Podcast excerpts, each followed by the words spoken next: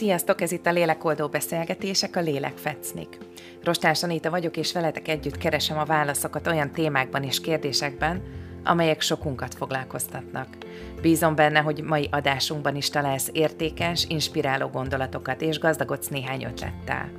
Lelkünk kis fecnikre írt üzeneteinek megfejtéséhez szeretnék hozzájárulni, annak érdekében, hogy mindannyian együtt békés és örömteli életet élhessünk.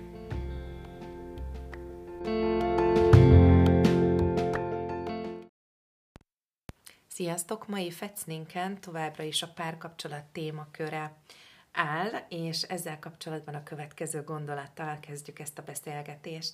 A kapcsolati sablonunk a tudattalan által készített vázlatrajz képlet alapján készül. Ez ad iránymutatást a párválasztás során mindenkinek. Az önmagukat egészségesen szeretőknek és a nem szeretőknek egyaránt.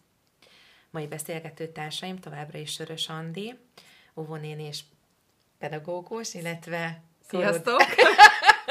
Korodi Csilla természetgyógyász. Sziasztok! És sziasztok! Hát már kórusra nem sikeredet. Uh, folytatjuk az előző podcastunkban megkezdett, uh, elkezdett témánkat, amiben a, a párkapcsolatunkról volt szó, és hogy milyen nehéz és ezért is indítottam ezzel a mai beszélgetést, hogy tulajdonképpen hozunk egy ilyen tudattalan skiccet saját magunkban arról, hogyan képzeljük el párkapcsolatunkat. És a legtöbbször ragaszkodunk is ehhez a, a tervrajzhoz, ezekhez a tervekhez, és van egyfajta ö, listánk, mondjuk így, ami szerint ö, akkor teljesülnek a jó kapcsolat ismérvei, hogyha, és felsorolja a, a tudattalanunk, hogy ezek meg ezek meg ezek a dolgok szerepelnek benne, ezek meg ezek a dolgok pedig így történnek és így működnek. És mindannyian elindítjuk valahogy ezt a történetet, elkezdünk ismerkedni, tínédzserkorunkban elkezdjük kialakítani az első szerelmi kapcsolatainkat, és aztán aztán átlépünk valami határt, és akkor már, már családalapítás, meg egy ilyen hosszú távon működő kapcsolatot próbálunk az életünkbe hozni. És a legtöbb, ezt mondtam az előbb is, vagy a múltkori podcastunkban, hogy és a legtöbb kliensem mégis, bármennyire is felkészültek vagyunk, mégis párkapcsolati kérdésben vagy témában keres meg, és ezzel kapcsolatban már vannak testi tüneteik, meg vannak mindenféle kórus elváltozások a, a szervezetükben, a, a testükben, és bárhová nézzünk, végül vissza kell nyúlnunk azokhoz a kötődési mintákhoz, anyukánkkal, apukánkkal és a kettejük kapcsolatához, amelyek meghatározzák a jelenlegi párkapcsolatunkban is a működésünket. Igen, ö, szerintem nagyon-nagyon fontos ez, amit mondtál, hogy, hogy egyrészt van egy kép bennünk, ami a tudatos úgymond a tudatos részünkben van, és ez kicsit hasonló, mint a gyermeknevelés kapcsán, amikor elképzeljük, hogy az, ideális. Az, ideál, az ideális családot, és akár még koncepcióink vannak, hogy mit nem akarok úgy csinálni, mit szeretnék máshogy, mint a szüleim, akár már párkapcsolati szinten is. Tehát, hogy lehetnek ilyen koncepciók bennünk, de ugye, amit szintén említettél, hogy van egy tudattalan tartalom, amiről megbeszéltünk korábban, ugye akár a vonzás törvénye kapcsán, vagy a teremtés kapcsán, hogy az egy sokkal nagyobb tehetetlen erő, ami befolyásolni fogja azt, hogy mi, mi lesz a valódi választás, tehát hogy a konkrét választásunk az mi, kire fog esni. És hogy ez a kettő nagy, hát, nagy általánosságban nem fedi egymást. és, és talán ez okozza ugye azt a nagy feszültséget is, amit megtapasztalunk ezekben a párkapcsolatokban, hogy azt gondoljuk, hogy hát mi valami másra vágyunk, de képtelenek vagyunk mondjuk bevonzani azt a párt, aki szerintünk mi megérdemelnénk, mondjuk így, vagy így aki, van. És aki miközben valójában pedig tökéletesen bevonzolt, mert a tudattaladon, a tudattalad uh, tartalma alapján viszont tényleg bevonzolt azt a párt, csak ugye nem vagy hajlandó elfogadni, és amiről beszéltél, hogy a két tartalom között a két kép között lévő feszültség maga az, ami okozza azt a szorongást, amit azt mondjuk, hogy mérgezővé válik egy kapcsolat, és okozza a betegségeinket, vagy akár a, a, a pánikjainkat, mondjuk így, mert ezt is egy, bár nem feltétlenül betegségnek szeretem hívni, meg ne állítsunk fel egy diagnózis, de minden olyan elváltozást, akár a testünkben, vagy a pszichénkben, vagy az elmékben, ez mind összeköthető ezekkel az állapotokkal, illetve a két állapot közötti óriási távolságból adódó feszültséggel. És ez a két különböző minta tulajdonképpen.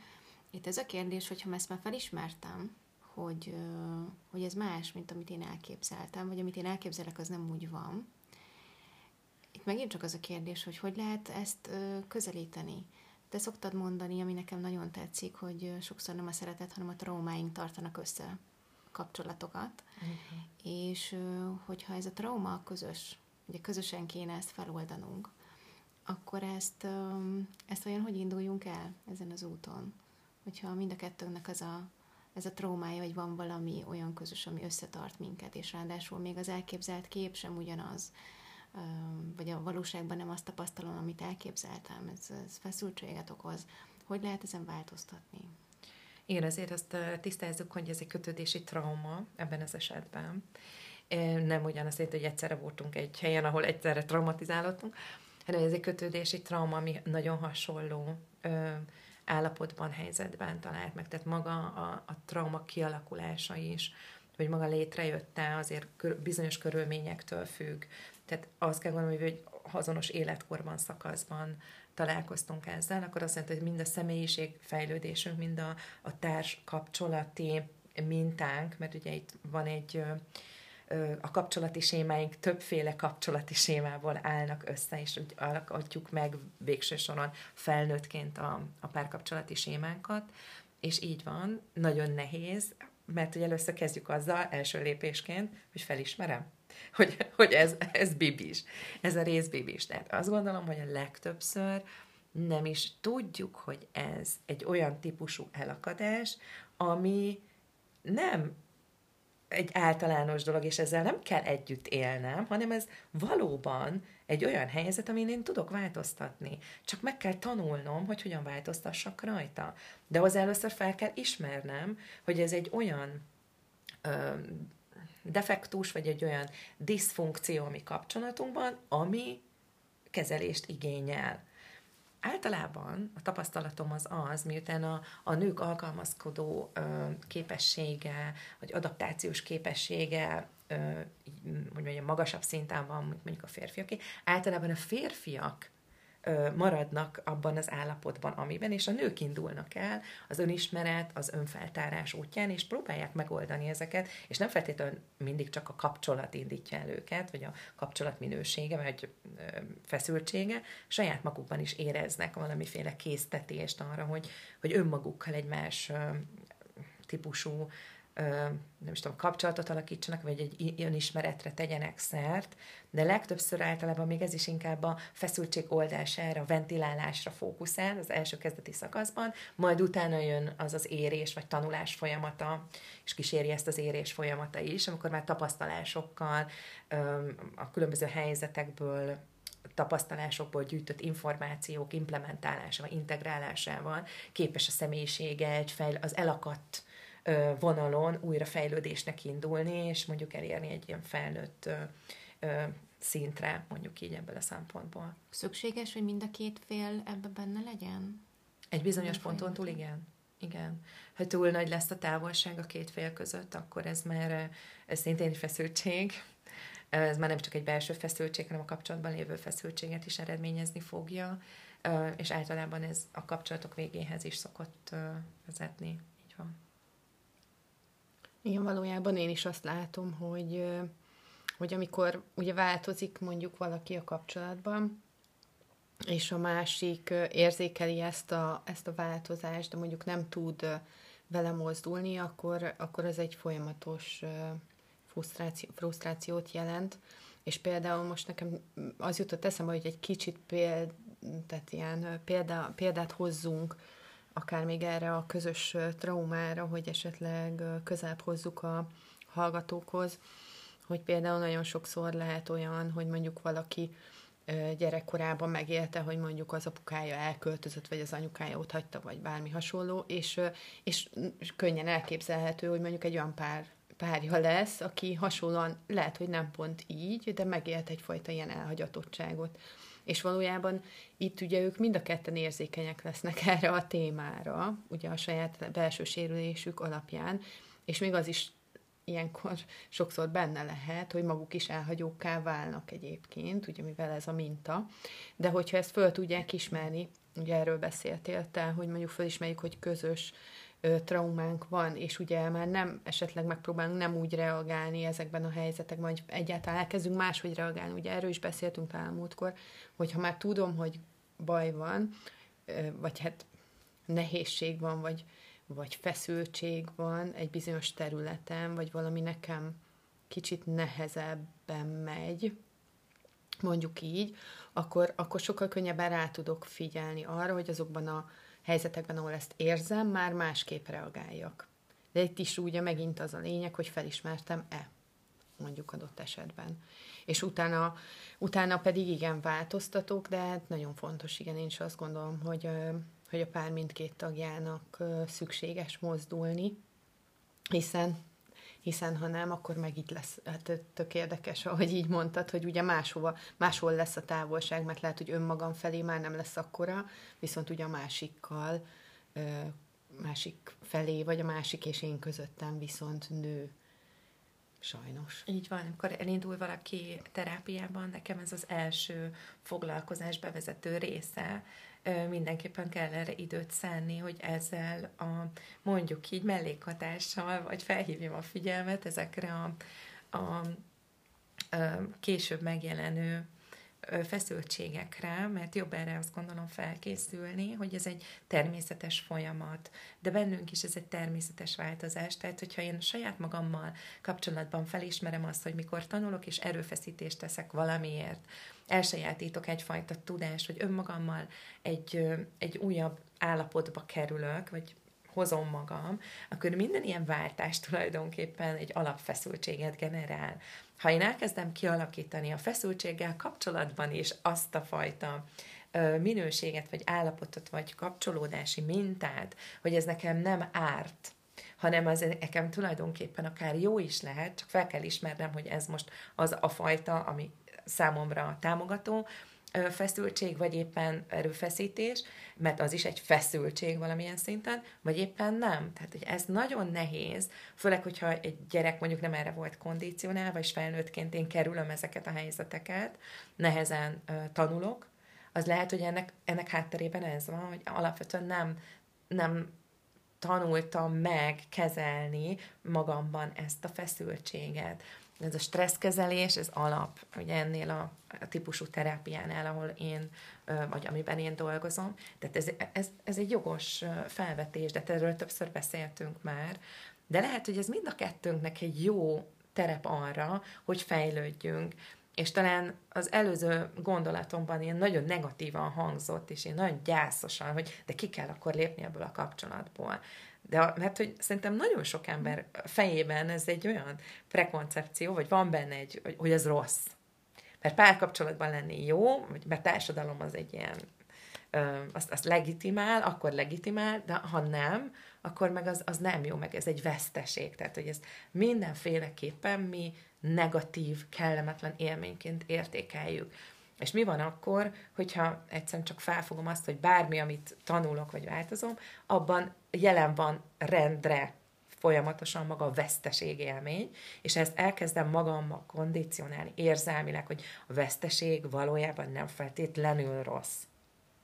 És akkor már lehet, hogy sokkal könnyebben tudok kilépni egy kapcsolatból, tehát ha tudom, hogy ez engem támogat, akkor igen.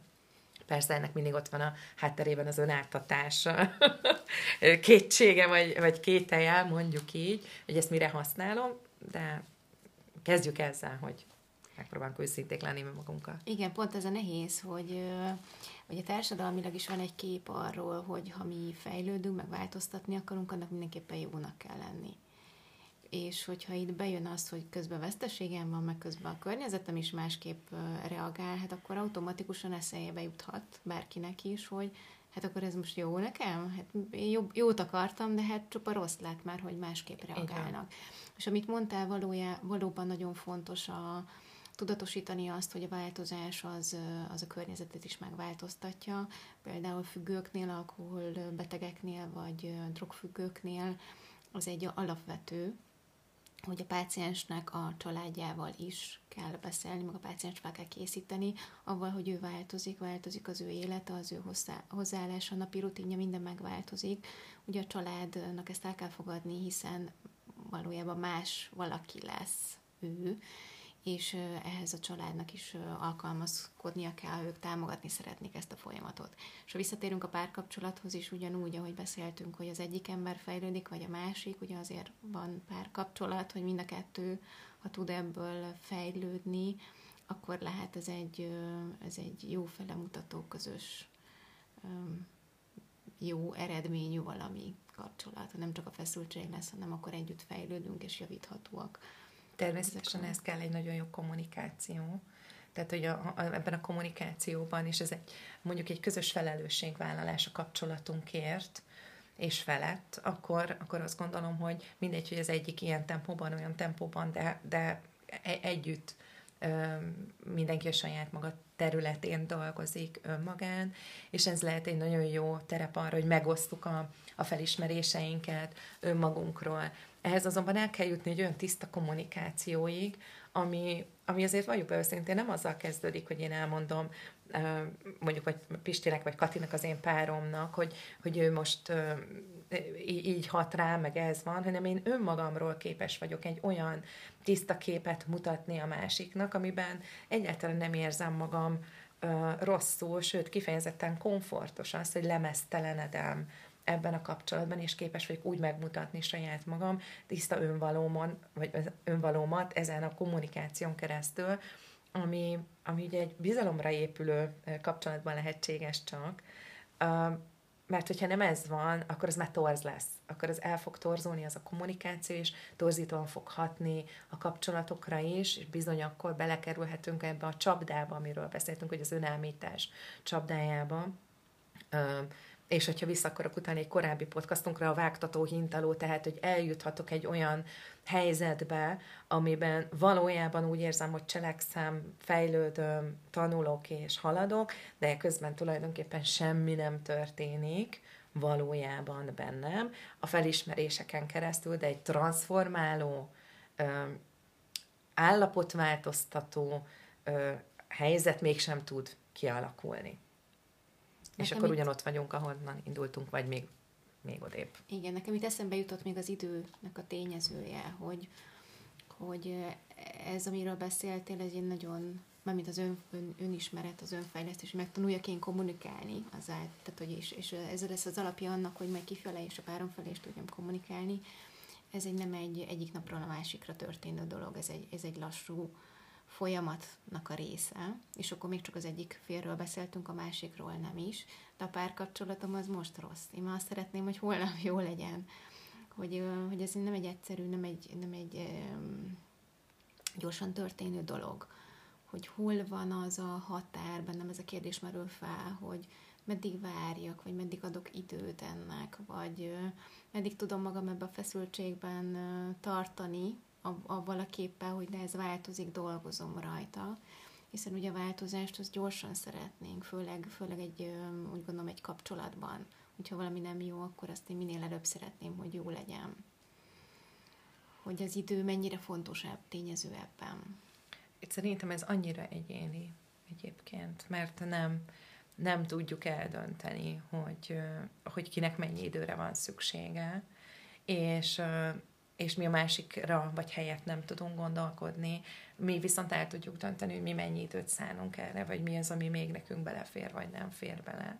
És, és e, ezért mondtam azt, hogy valójában mindenkinek ez egy nagyon nehéz dolog, hiszen ez egy veszteségélménnyel, ha én akarok tovább lépni, és az nem biztos, hogy jó döntés vagy rossz döntés kérdése, hanem egyszerűen csak döntök, de hogy merek-e dönteni, hogy merem önmagamat választani, vagy ö, merem a kapcsolatot választani, attól függ, hogy mi az, ami most nekem éppen fontos, de hát ez annyira annyira, annyira egyéni, és annyira attól függ, hogy éppen hol tartok ebben a, az, akár még az önismeretemben is, vagy milyen területeket dolgoztam meg, és milyen, dolg, milyen területeim tartanak bent például, vagy annak elhanyagoltsága, vagy, vagy ö, traumatizáltsága határozza meg azt pontosan, és annak a feldolgozottságnak mértéke, hogy én kilépek egy kapcsolatból, vagy éppen benne tartom magam, de hogy ez tudatos, vagy nem tudatos, az emberek nem feltétlenül gondolkodnak egy kapcsolatban így, mert nem gondolkodnak.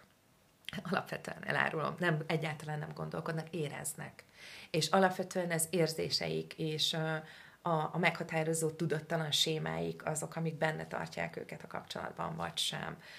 Ez alapvetően meghatározza a, fe, a fejlődési dinamikát is egy kapcsolatban ha én képes vagyok, mert egy olyan működésem van, akkor én ki fogok lőni, ki fogom magamat lőni ebből a kapcsolatból. Ha meg, ha meg nem, mert én egy ilyen ragaszkodó típus vagyok, egy társfüggő, és, és úgy érzem, hogy nekem meg kell mentenem, meg meg kell tanítanom a másikat, meg, el, meg kell dolgoznom, akkor mindig meg fogom találni azt az ideológiai hátteret, és mindig meg fogom alkotni, hogy miért vagyok én ebben a kapcsolatban.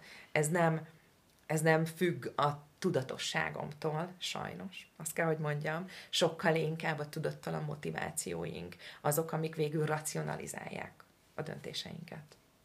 Én azt látom, hogy például a testi tünet, hogyha valaki beteg lesz, az egy nagyon jó mérce erre például, hogy ezt, ezt mérjük, hogy, hogy ennek még kell-e időt adni, vagy nem, vagy eljött az idő, hogy valami milyen felismerést tegyünk, mert a testi tünet az már azért elég erőteljesen jelzi azt, hogy valami már nagyon nem, nem komfortos nekünk, nagyon nagy a feszültség, és akkor én úgy gondolom, hogy itt már mindenki, ez a, már az a pont, mikor mindenképpen valamin változtatni kell.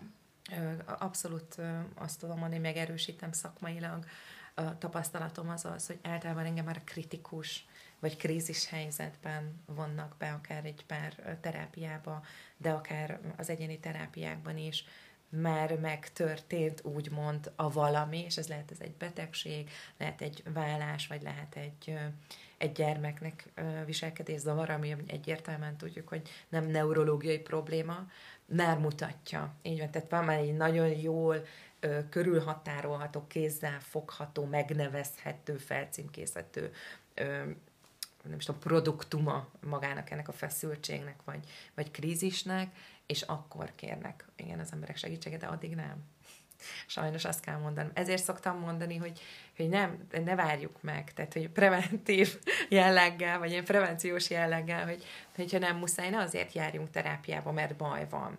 Ne azért menjünk el, és tanuljunk magunkról, mert, mert rosszul érezzük magunkat hanem azért, mert ez egy szuper jó dolog, és megelőzhetjük, ha már költünk arra, hogy egészségesen éljünk, meg szépek legyünk, meg jól nézzünk ki, meg de miért ne lehetne az, hogy jól is érezzük magunkat a bőrünkben, és ne azért jöjjünk el, mert most nem érezzük jól magunkat a bőrünkben.